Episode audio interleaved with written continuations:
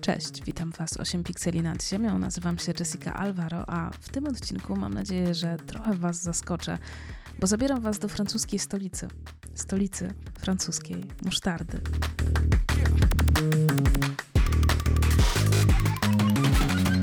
Przypuszczam, że większość z Was domyśliła się, że chodzi o Dijon, miasto, którego wizytówką jest właśnie musztarda. Tutaj stworzono ten sos, no i cóż, przetrwał on do dziś. Jest on nie tylko obecny w tej chwili już w kuchni francuskiej, ale chociażby w naszym kraju. Myślę, że każdy Polak i każda Polka, nawet jeśli nigdy nie kosztowała musztardy Dijon, no to przynajmniej kojarzy tą nazwę ze słyszenia. Niemniej muszę Was rozczarować, bo ten odcinek nie będzie o musztardzie. Nie czuję się absolutnie specjalistką w temacie musztardy. Natomiast chciałabym Wam opowiedzieć o tym drugim obliczu Dijon, o tym, którego trochę nie widać, a więc o tych wszystkich rzeczach i miejscach, dla których nie tylko warto skosztować samej musztardy, będąc w tym mieście, ale przede wszystkim warto je po prostu odwiedzić. Dla mnie po Paryżu to było drugie miasto we Francji, jakie odwiedziłam, i muszę przyznać, że byłam całkiem miło zaskoczona tym, co tutaj znalazłam. Dijon jest bardzo spokojne. Myślę, że żyje zupełnie czymś innym niż chociażby wspomniany Paryż. I najbardziej można to poczuć na Starym Mieście, gdzie mimo, że zazwyczaj jest dość sporo ludzi, no to panuje tutaj bardzo spokojna atmosfera, momentami powiedziałabym, że wręcz kameralna. Bardzo uszykało mnie na przykład to, że po południu albo wieczorem, docierając do okolic Starówki, ulice zaczynały pachnieć jedzeniem. Wydawało mi się, jakby zapachy z różnych restauracji właściwie nie wydawało mi się, tak, tak po prostu było, że te wszystkie zapachy zaczynały konkurować ze sobą o uwagę i trudno było skupić się właściwie na czymś innym niż właśnie jedzenie. Ale myślę, że nie ma w tym też nic dziwnego, bo generalnie Dijon i cała Burgundia to jest region, który słynie z dobrej kuchni. Najlepszym tego dowodem jest chociażby to, że w tym mieście znajduje się na przykład Centrum Gastronomii i Wina. Z nazwy może niewiele to Wam mówi, ale tak naprawdę jest to miejsce, które jest całkowicie poświęcone właśnie francuskiej kuchni i poza zabytkami to jest też jeden z takich najważniejszych punktów, który, który warto odwiedzić, będąc tutaj. To jest też miejsce, w którym można skosztować różnych oryginalnych produktów e, od lokalnych producentów. Można degustować mnóstwo różnych win wytwarzanych e, w regionie Burgundii. Są tu też sklepy, e, wystawy poświęcone francuskiej gastronomii. Są nawet księgarnie, w których możecie kupić książki poświęcone tematyce właśnie kulinarnej.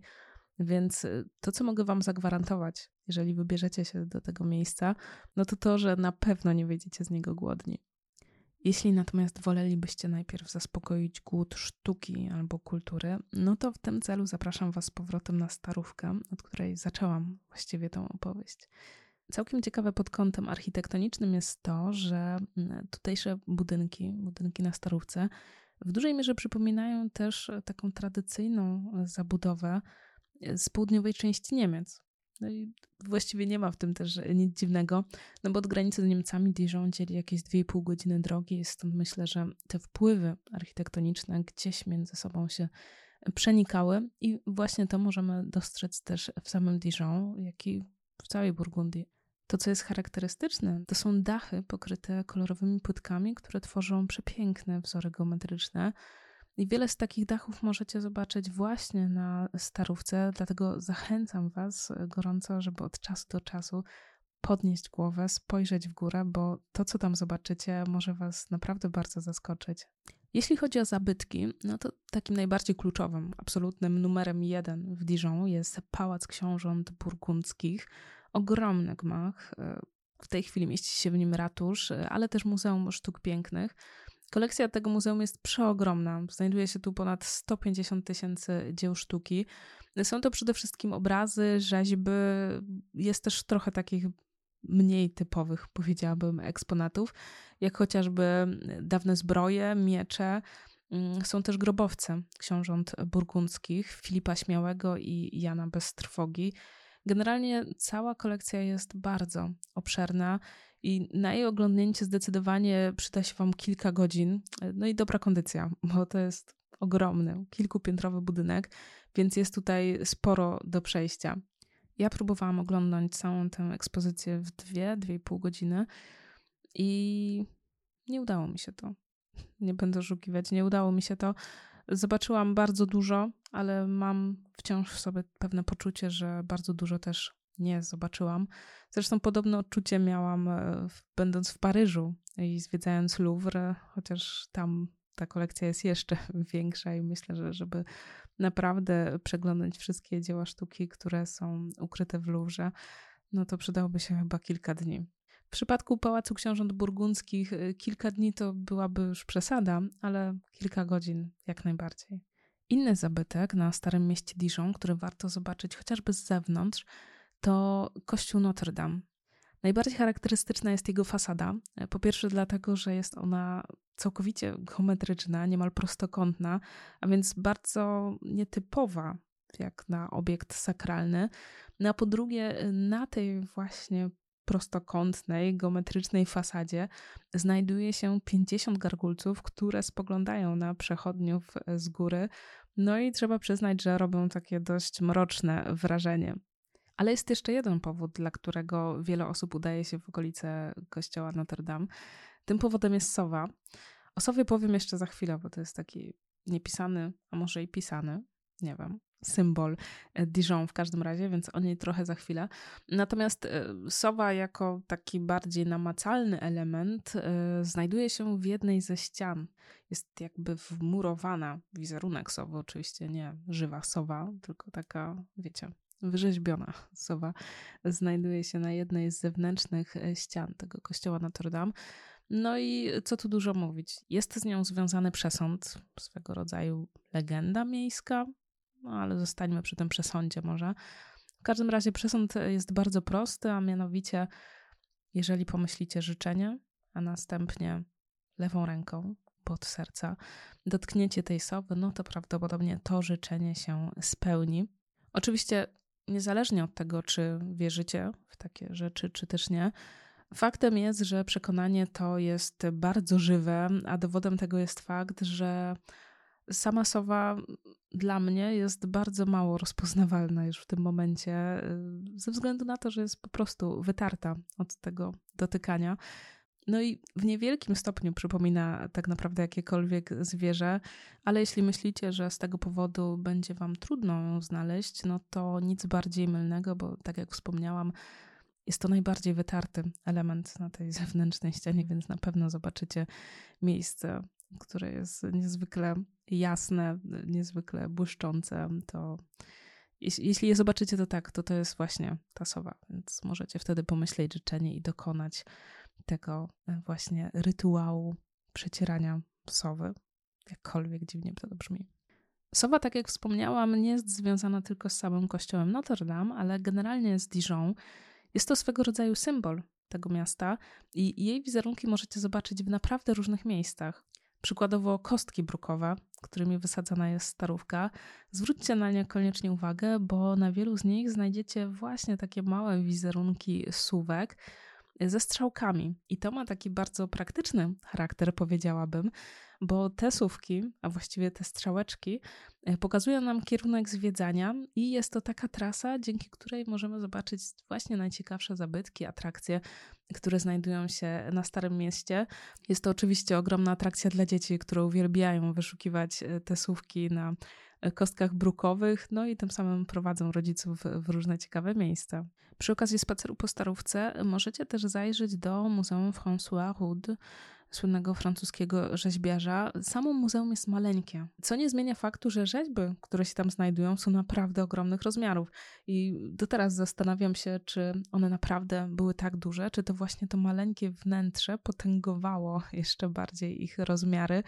Trudno mi na to odpowiedzieć, natomiast jest to muzeum, które fajnie jest odwiedzić przy okazji. Ja tam spędziłam dosłownie 15 minut i wydaje mi się, że to było nawet całkiem długo, bo zdążyłam jeszcze w tym czasie zrobić zdjęcia i całkiem wnikliwie przyglądać się poszczególnym rzeźbom. Nie było ich zbyt wiele też, nie oszukujmy się. Niemniej, tak jak powiedziałam, wydaje mi się, że jest to taki fajny przerywnik podczas spaceru po Starówce.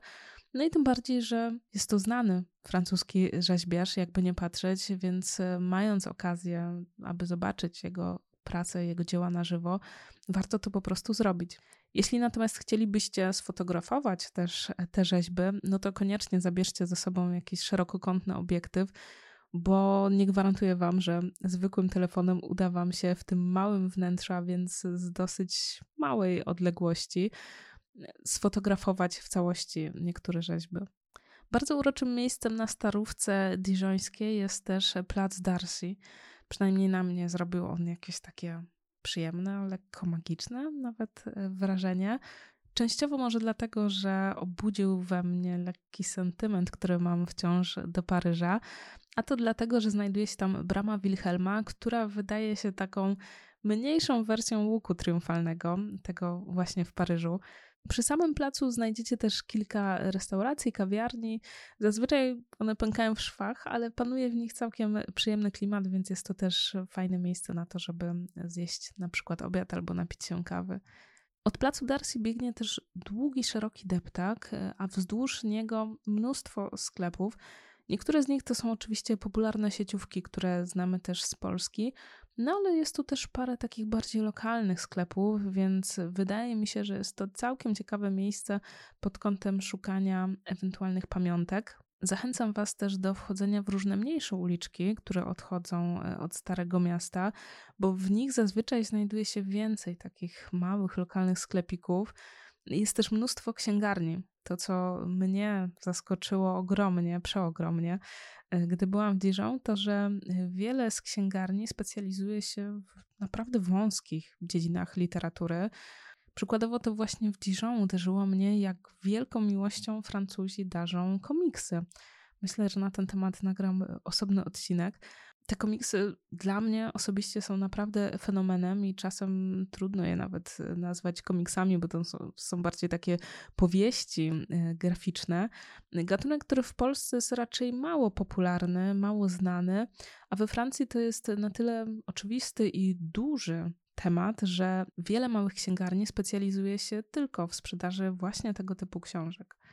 No ale dobra, wróćmy. Wróćmy do Dijon, wróćmy do zwiedzania tego miasta, a właściwie do zwiedzania też jego okolic, bo Dijon to jest powiedziałabym, bardzo fajna baza wypadowa, jeśli dysponujecie samochodem, jeśli planujecie takie chociażby jednodniowe wycieczki w jakieś różne okoliczne rejony, bo tak naprawdę wystarczy kilkanaście minut i znajdujecie się już w całkiem innym otoczeniu, pośrodku ogromnych, malowniczych winnic, które dla mnie były czymś naprawdę pięknym. Krajobrazy, których nie sposób e, szukać w Polsce, a które właśnie w Burgundii wydają się zupełnie normalne, zupełnie na porządku dziennym.